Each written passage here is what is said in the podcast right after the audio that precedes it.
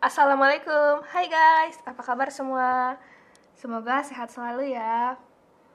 Kembali lagi dengan aku, Ri. Hari ini, aku mau menceritakan novel karya Shini Minka yang berjudul Mencintaimu dalam Doa. Diandra adalah seorang anak perempuan yang berasal dari Aceh. Saat ombak menelan Aceh, ia sedang berada di klinik milik ayahnya. Sedangkan ibu dan Dimas, adiknya, pergi ke pasar. Dian dan ayah langsung berlindung ke Masjid Baitur Rahman. Namun, ibu serta Dimas ditemukan meninggal.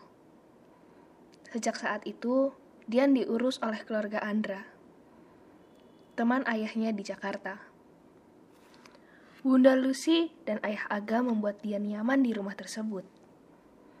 Namun saat lulus SMA, Dian tidak mau berada satu atap dengan Andra, lelaki pujaan hatinya. Oleh karena itu, ia pindah lagi ke Aceh untuk tinggal dengan sang ayah.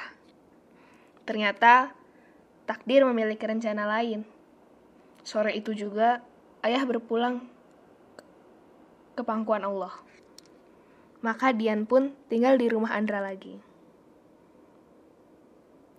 Ayah ternyata mewasiatkan Dian agar menikahi Ihsan, anak temannya.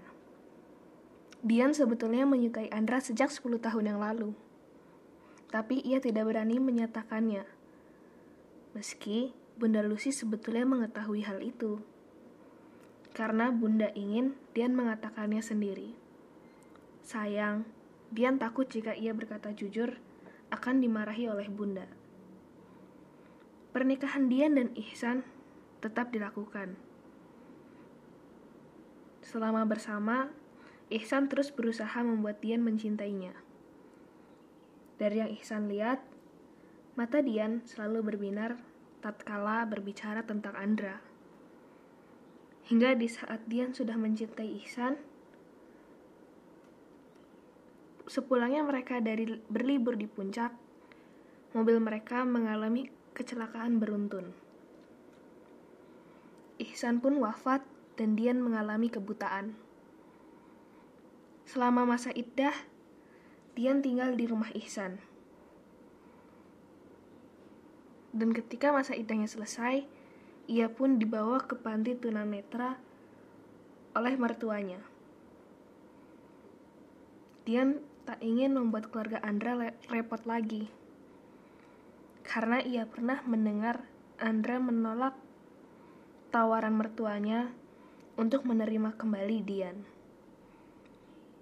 Namun, Dian akhirnya dipaksa ikut keluarga Andra ketika mereka mengetahui kehamilan Dian.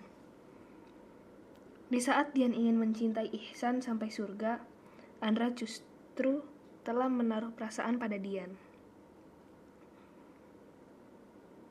Tak lama setelah itu, Dian melahirkan seorang putri bernama Maryam. Tapi duka kembali menghampiri keluarga Andra.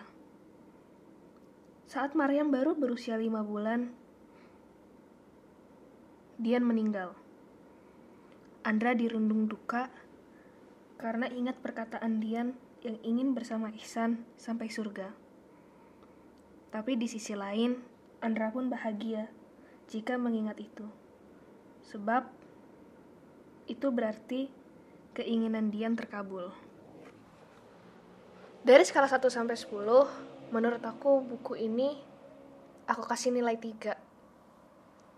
Karena endingnya sedih banget dan banyak cerita sedihnya dibanding happy-nya. So, kalau kalian mau tahu detailnya, baca aja buku Mencintaimu dalam doa karya Shiniminka ya guys.